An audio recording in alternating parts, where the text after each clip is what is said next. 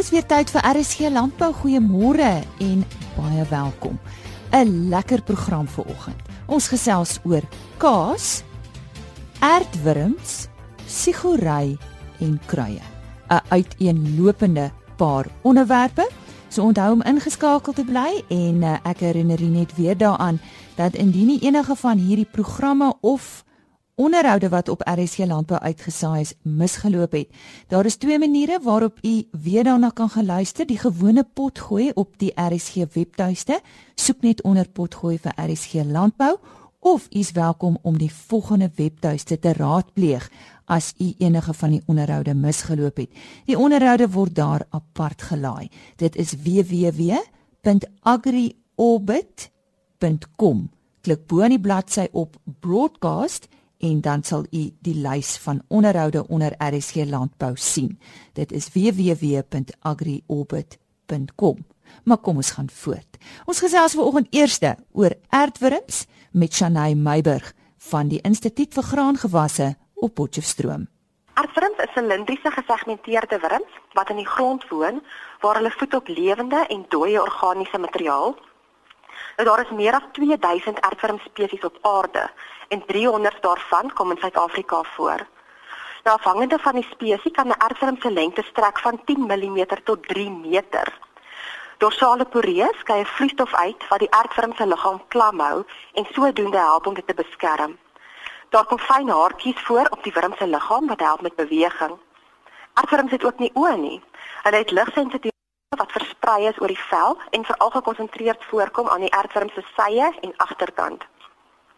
'n Volwasse aardworm word gekenmerk aan die swelling op hulle liggame, bekend as die clitellum, wat deel vorm van die voortplantingsstelsel.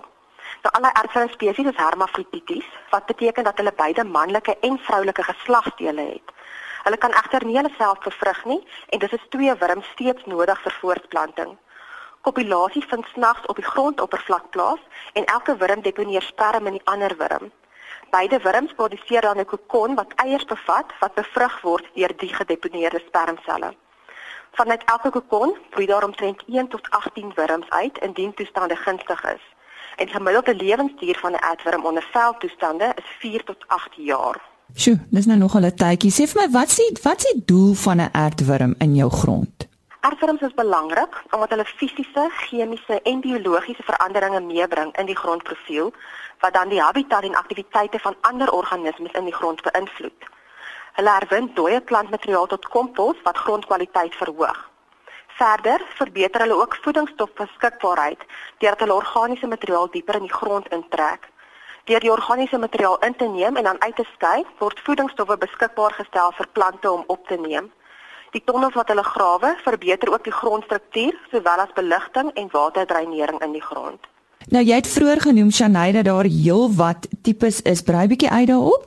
Ja, dit is so. Daar is 3 tipe aardwurms, um drie groepe waarin hulle verdeel word volgens hulle gedrag en habitat. Nou die eerste groep grawe nie tonnels nie. Hulle leef op die grondoppervlak en voed op verrottende plant en diere materiaal. Die tweede groep woon binne in die grond en neem grond in om sodoende voedingsstowwe van uitgedegradeerde organiese materiaal te absorbeer. Hulle beweeg bo en ondergrond en vorm horisontale tonnels in die boonste 10 tot 30 cm van die grond. Die derde groep grawe diep binne in die grond en kom snags boontoe om hulle gietsel te deponeer. Hulle vorm permanente diep vertikale tonnels wat hulle gebruik om na die oppervlakte te beweeg om plantmateriaal te verkry. Hoe kry ek hulle in my grond as ek uh, natuurlik daai belangrike funksie wat hulle het wil verrig? Jong, dis voordat erfenis in die grond gevoeg kan word, moet die toestande eers geskik wees, anders sal hulle nie oorleef nie. Bewerkte grond, veral in ou tuine, is gewoonlik erg gekompakteer, het slegte dreinering, swak struktuur en meestal ook 'n tekort aan organiese materiaal. Enige wurms wat in die grond geplaas word, moet nie net op die oppervlak geplaas word om self af te beweeg in die grond in nie. Hulle sal prooi word vir voëls of gedood word deur die UV-strale van die son. Nou hoe om hulle in te sit, is dan troffeldiepte gate moet gegrawe word, 'n paar elke vierkante meter. Dan moet water bygevoeg word sowel as 'n bietjie natuurlike kompos. Plaas dan 'n paar wurms omtrent so 10 in die gate en gooi weer grond bo-oor. Lumbricus terrestris, beter bekend as die nagkruiper of die reënwurm, kan hiervoor gebruik word.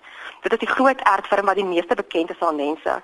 Hy is 'n stadig teelende wurm wat in diep onversteurde grond leef en snags sy kietels op die grasoppervlak gooi. Hulle kan veral na 'n warm reënerige aand op die gras waargeneem word, vandaar die naam die reënwurm. Die aardwurms gaan voortdurend voedsel benodig in die vorm van organiese materiaal of as deklaag van byvoorbeeld blare of kompos of as grasknipsels wat elke nou en dan op die grasperk gelos word. Nou verseker ek dat hulle daar bly. Aardwurms is baie minder volop in versteurde omgewings en is tipies slegs aktief as daar water teenwoordig is. Aardwurmpopulasies maak staat op beide fisiese en chemiese eienskappe van die grond, soos byvoorbeeld temperatuur, vog, pH, soutte, beligting en tekstuur, sowel as beskikbare voedsel en die vermoë van die spesies om voort te plant en te versprei. pH is een van die belangrikste omgewingsfaktore wat aardwurms beïnvloed, maar aardwurms varieer in hulle voorkeure. 'n Neutraal tot effensuur omgewing word egter deur die meerderheid verkies. Aardwurms is ook prooi vir verskeie voëlspesies, besies en diere, so probeer dus hierdie predatore beperk waar moontlik. Stikstofkunsmisstowwe skep suurtoestande wat dodelik is vir aardwurms en dooie wurms word gereeld gevind op die oppervlak na die toediening van stowwe soos DDT, kalkswaal en loodarsenaat. Die toevoeging van organiese materiaal op 'n gereelde basis sal die aardwurms voorsien van hulle voedsel- en voedingsstofvereistes en ook help om vog in die grond te behou wat hulle aktiwiteit sal stimuleer. Ten slotte, onthou dat aardwurms nie die teenmiddel is vir onvrugbare grond en swak bestuur nie. Indien tuin of landbougronde verbeter moet word deur die gebruik van aardwurms, moet die toestande gunstig gemaak en gehou word vir hulle om enigsins 'n verskil te kan maak. Ja, ek dink ons moet maar almal werk maak daarvan om daai uh, wonderlike wurms weer terug te kry in ons grond en ek het daar gesels met Janey Meiburg van die Instituut vir Graangewasse op Potchefstroom.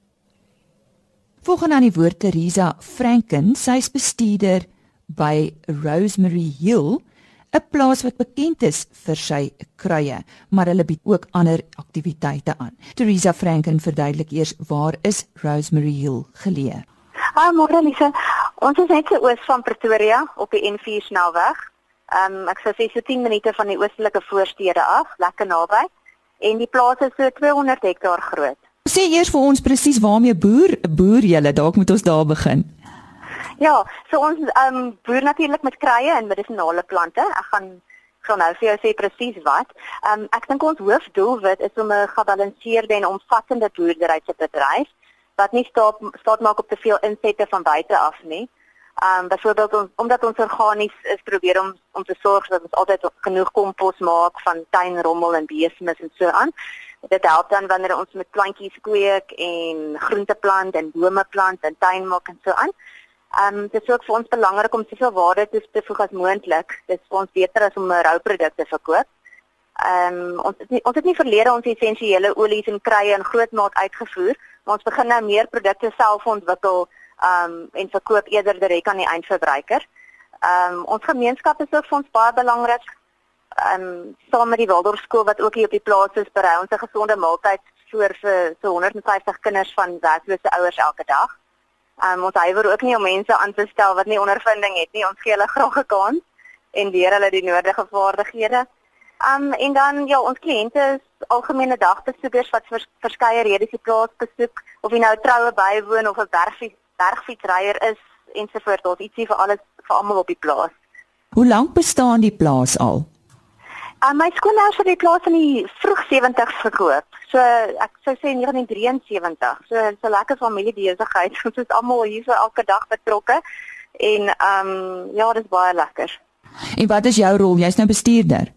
Ehm um, ek is bestuurder. Ehm um, dit is natuurlik nie maklik om so 100 mense te bestuur nie. So dis 'n dis 'n my en my man het ons die boerdery gedeelte dan is ons ook die die die gedeelte wat ons troues doen en teepartytjies en die bergfietsers is en dan ons op die skool ook. Ons het 'n skool met so 250 leerders en 'n koshuis. So tussen die drie entiteite hardloop ons maar rond elke dag.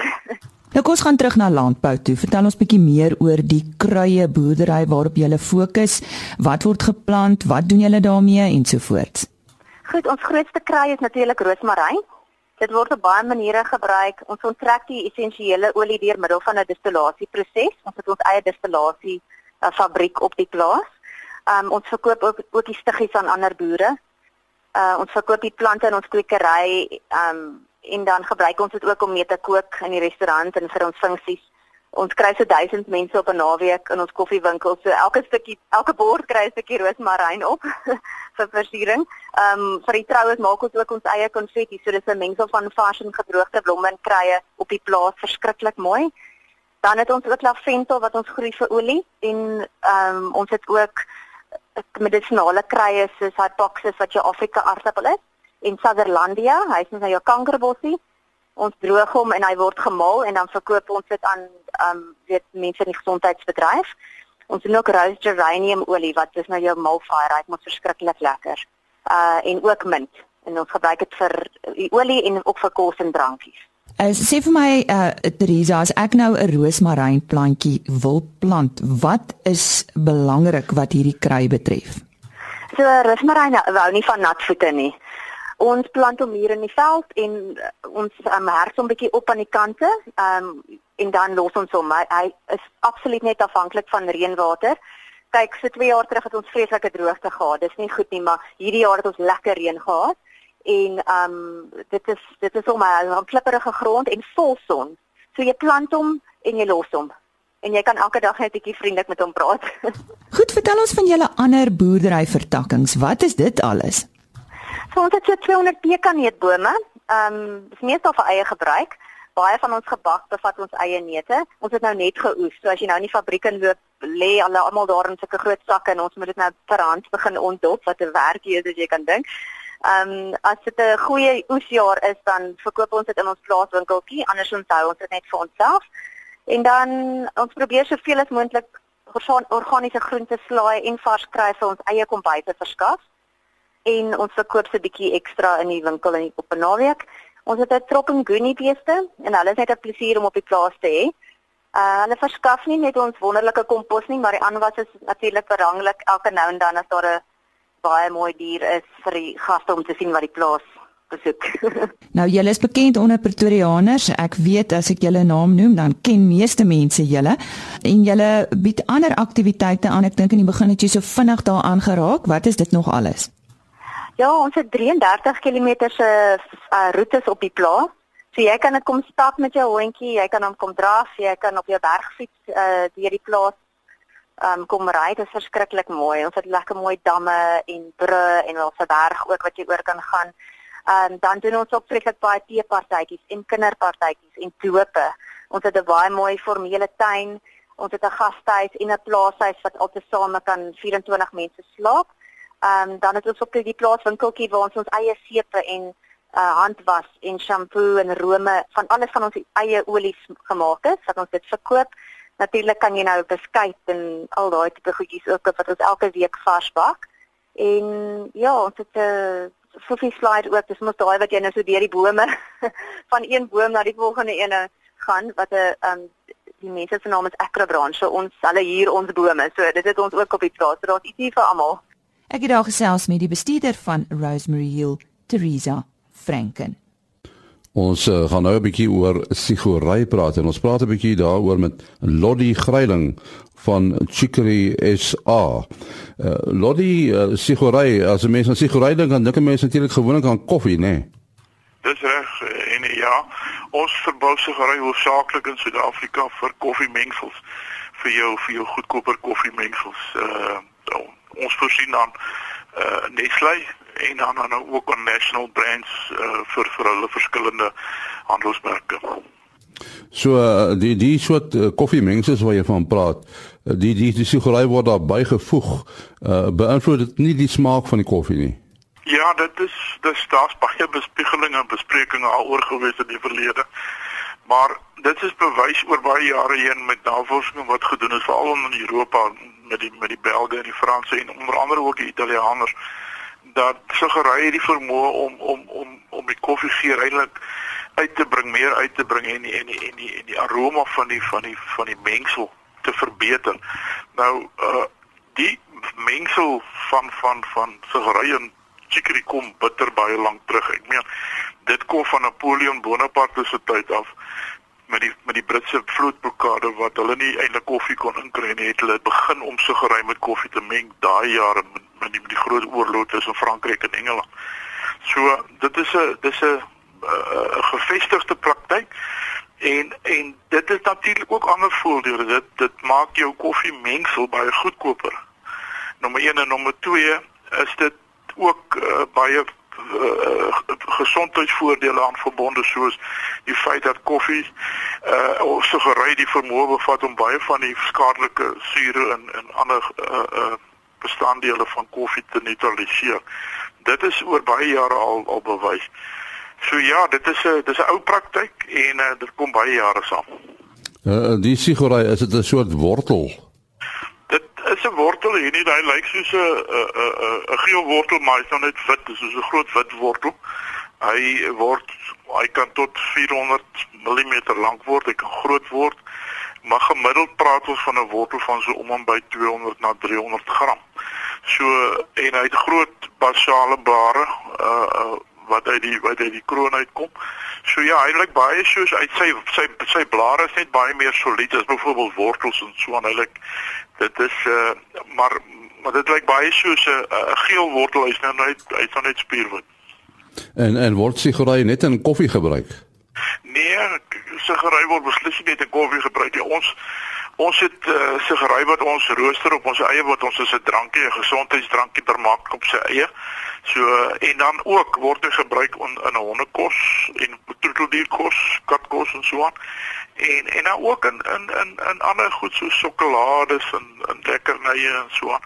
En ook uh in Suid-Afrika word dit gebruik uh in proneutre ontbytkos. So daar is daar is sugery in in 'n hele klomp produkte beskikbaar op die mark vandag. En uh, die sugery het dit 'n uh, 'n besondere smaak. Kyk, ja, dis 'n goeie vraag. Sugery bevat uh, uh fruktoos, uh, vrugtesuiker.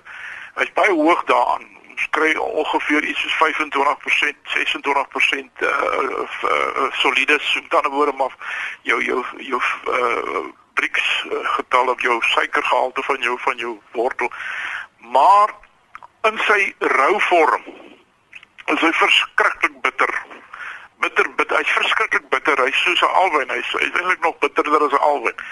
So hy's in sy rou vorm vreeslik bitter. So hy is nie geen geen mens sal hom sal hom kan gebruik as hy rou is nie. En dis hoekom ons die manier hoe ons hom behandel ons haal hom dadelik uit en ons on, ons droog hom onmiddellik en dan na hy gestabiliseer het dan rooster ons hom. Daai vinnige droogingproses beteken ons behou ons hoë proteïen en dit gee vir hom sodra jy dit toepas op die op die gedroogde uh, op die natwortel. Sodra ons hom om begin droog, dan breek jy die molekules af wat daai ontsettende bitterheid veroorsaak. Dan breek jy daai molekules af en dan karameliseer, karameliseer die uh, uh, caramelize is die Engelse woord. Jy daai daai vrugtesuiker in hom en dan kry hy eintlik 'n baie lekker soet smaak en 'n baie lekker geur en dit is dit is eintlik waar die die die die uh, geur en die aroma van sugery vandaan kom is daai is daai karamelisering van die van die vrugtesuiker. So dan in sy gedroogde vorm en in sy geroogde se groter vorm het hy heeltemal daai bitterheid verloor. Dan is hy uiteindelik 'n soeterige smaak, eintlik 'n verskriklike aangename smaak dan. En, en waar in Suid-Afrika word die uh, gewas verbou? Wel ons verbou hom nou hierso van 1870 af. Uh en van 1895 vir kommersiële doeleinde is hier in die Oos-Kaap by Alexandria in die omgewing van Alexandria so 100 km oos van Port Elizabeth en so 200 km wes van van Oos-London. So ons het in hierdie kusgebied, hierdie strook langs die kus is waar ons droëlandproduksie is vanaf vanaf daai jare van die kommersiële verbouing van 1895 af. Nou die fabriek is gesetel op, die prosesseerfabriek is gesetel op Alexandria en ons is hier van vir baie jare af. Ek dink in die vroeë 1920s is die die die perseel uh, ontwikkel hierso waar ons tans is. En in met die bemarkingswet van 1937 het die beheerrade nou die sigaretbeheerraad tot stand gekom wat nou eers toegepas is na die Tweede Wêreldoorlog. Maar in 1993 en het ons 'n volwaardige onafhanklike maatskappy uh, geword wat besit word deur deur aandeelhouers. So ja, dis in die Ooskaap. Ons het besproeiings uh, gedeeltes in in Sondagrivier, uh, Edo area en dan Koekels by die visrivier en dan in die Gamtoos rivier by Potensie en Henkie ook. Het ons 'n paar uit ons 'n paar produsente, maar die droëland produksie is gesetel hierso rondom Alexandria. Nou, ons sê baie dankie aan Lottie Greiling van Chicory Suid-Afrika wat gepraat het oor siguryverbouing in ons land. Die 16de Suid-Afrikaanse Kaasfees is vanjaar vanaf 28 tot 30 April by Sandringham net buite Stellenbosch aangebied. Sowat 30000 mense het vanjaar toegang gehad tot 30 ton kaas van verskeie butiek en groter kommersiële kaasmakerye van reg oor die land. Ek was in die bevoordeelde posisie om die fees by te woon en ek het daar met Latana Kaas gesels, die eienaar Dian laat gaan. Ons is reg onder die Swartbergpas, daar in die mooi klein Karoo Vallei. Uh so 17 km van die Kangogrotte af. Uh reg tussen die Kangogrotte en Calitzdorp. So ons het begin daar in 2012 het ek en Petra begin 'n kaas maak net vir ons vriende en gesê luister hierdie dis 'n nuwe ding wat ons doen. En toe begin hier vriende vir ons sê maar luister ons wil koop. En dit was die begin gewees die eerste jaar swaar gegaan as ons 'n mark ontwikkel word en uh, ek sê dit altyd in met die knop in my keel. In Junie 2012 het ek gesit met 'n kaaskamer met 'n klomp kaas in en geen publiek wat koop nie behalwe die vriende. Dit was 'n Woensdag aand gewees en ek het daai nag met my skepper gelê stoei. Ek het gevra en ja, ek was seker geweest dis wat ek moet doen. Maar my vrou wou ook nie ontstel nie want sy was uh op daai stadium kanker gehad en uh die donderdagoggend kom sy ingestap sy sê vir my luister kom ons stuur 'n brief aan al die uh gastehuise in die land ag nie in die land nie in Oudtshoorn daar's uh 120 van hulle 16 het terug 6 het terug geantwoord en gesê hulle gaan kaas koop. Nou jy weet, as 'n ou 6 kry wat antwoord van 120, dan sit jou moed onder jou skoensole. Skepper het geweet hoeveel kaas ons kan verkoop. Daar net 5 permanent besluit. En daarvan staan hy 5 nog en op die oomblik het vers, vervaardig ons seker 20 100 keer meer kaas melk, melk julle self Dian? Ja, ons het my broer het 'n melkery. Ek het uh, ons bly by hom op die plaas. Dit is 'n ou familieplaas wat al in uh, 1934 begin is uh toe my pa op daai stadium uh 7 jaar oud was. Uh en hy's nou nog in die familie, so my broer melk en ek koop by hom melk. Die hele ding is ook om dit te groei om uit 'n uh, voortsetting van die melk die uh, produksie te wees in plaas van dat jy dan net jou R5 vir 'n liter melk kry kry jy nou verwerkte ka en en ons die, die twee groei. Intussen het Ashley Ann wat my kaasmakertjie is wat kom uit die tabaklande uit het sy eh, deel geword van die firma. Sy besit 49% en uh ons groei nou om groter te word sodat ons ons heerlike kaas en ek is ek is nederig as ek sê heerlike kaas maar staan nie by die skou en uh, jy het nou gesien hoe vertrap die mense my nou, om kaas te probeer. Is dit om om om 5 minute in jou in jou besige dag te kry, dis reg. Ja. Uh en om dit deur die groter in die land te kry. Ons het die droom om 'n groot fabriek te bou. Uh waar ons meer werkskepping vir die mense kan gee wat by ons werk. Ons het nou op die oomblik het ons al uh, drie van die plaasmense wat vir ons wat help saam met ons kaas maak.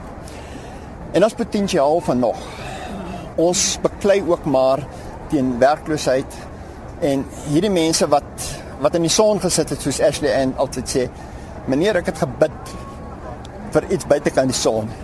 En nou sit ons. Sy het verlede jaar het sy uh SA kampioenkaas gemaak. Ja, so groei ons. Nou hierdie fees waar ons nou is, so 'n forum. Dis 'n wonderlike geleentheid, maar soos jy sê, dis dis half dis half te goed om waar te wees want jy kan nie voorsien aan aan al die behoeftes nie. Dit is so. En wat wat gebeur is ons kry 'n klomp nuwe gesigte. Hier hier is mense wat sê ons het verlede jaar by jou kaas gekoop. Ons wil nog weer hê. Wanneer is julle in Somerset Wes? Wanneer is julle in die Kaap?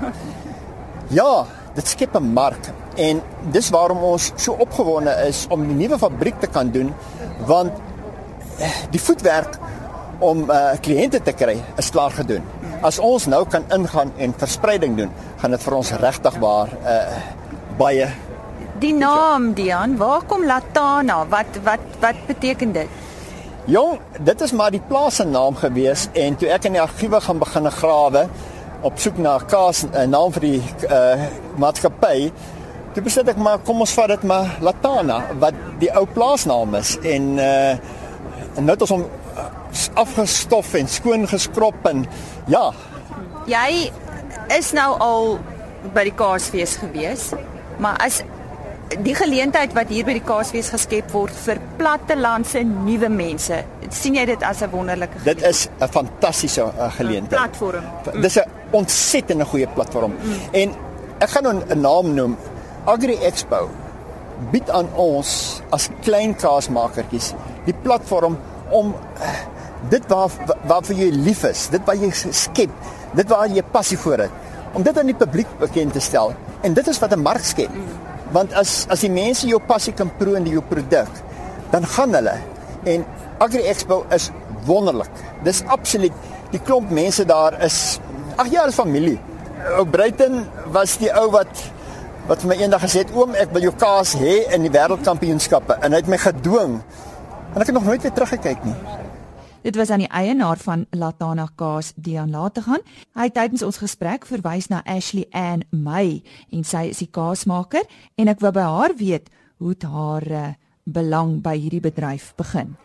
Die jaar is my 5de jaar by Latana. En wat presies is jou werk? My werk is um bestuur die plek en ek kyk hoe die kaas gemaak word en ek kyk dat er um genoeg stokke is op die rak vir ons kliënte. Nou jy's ook 'n kaasmaker. Ja, en ek is ook 'n kaasmaker. Nou hoe het jy daarbey betrokke geraak? Is dit iets wat jy nog altyd wou gedoen het? Ja, dit is iets wat ek altyd wou gedoen het. Soos ons as kinders, het, as jy mos iets hier dan wonder jy hoe word dit gemaak en toe ek eendag van my ma gesê ek wonder, toe ek in die lande gewerk en toe ek my suster siek geword en toe ek betrokke geword by meneer by meneer Dian en dit is hoe ek geleer kaas maak het. en toe ek gesien dat wat meneer doen en toe ek op my eie te kaas maak.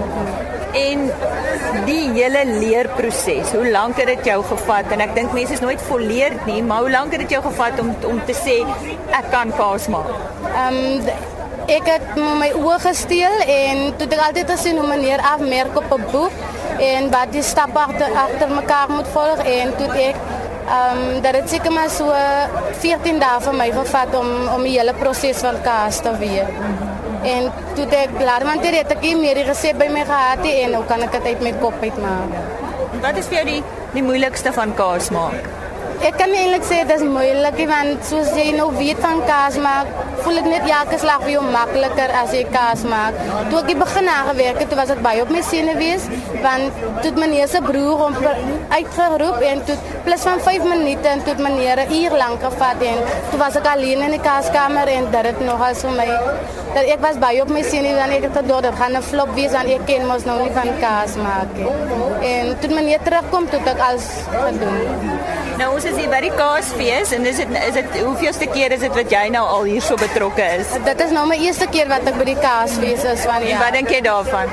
Ehm um, dit is baie besig en jou oë moet rondval en van die kliënte staan en wag en maar dit is nog as baie lekker by die Kaasfees. En uh, van julle produkte, wat dink jy is nou die populairste hier vandag? die krimkaas is al dit is baie geweldig en ons het al ons het al sover uitverkoop met die met die krimkaas. As jy moet sê ek wil eendag, wat wil jy eendag regtig wees of doen? Waarna toe is jy op pad? Um, ek wil ek wil eendag net kaas maak en hoe hoe hoe kaas moet proe en wat hoe om kaas te onleed, hoe moet dit reg proe en dit is wat ek wil doen. En die geleenthede wat julle kry by Latana wat Dian vir julle gee. Vertel ons bietjie daarvan. Meneer laat ons baie uh, eksperimente doen en ook nuwe kaas ontwikkel en en meneer laat my baie goed voel by hierdie werk want meneer los alles in my hande soos wat ek dit wil doen. Het jy enige kwalifikasie waar jy fisies moes weggegaan het vir 'n kursus of het jy maar hoofsaaklik by hom geleer? Ek het by meneer Dian geleer, ja. Nou ja, vrou wat nog baie planne het en dit was dan die kaasmaker by Latana en sy is Ashley Ann May. Môreoggend RSC Landbou weer saam met my. Ek sien uit daarna. Totsiens. RSG Landbou is 'n produksie van Blast Publishing. Produksieregisseur Henny Maas. Aanbieding Lisa Roberts en 'n notas koördineerder Jolande Rooi.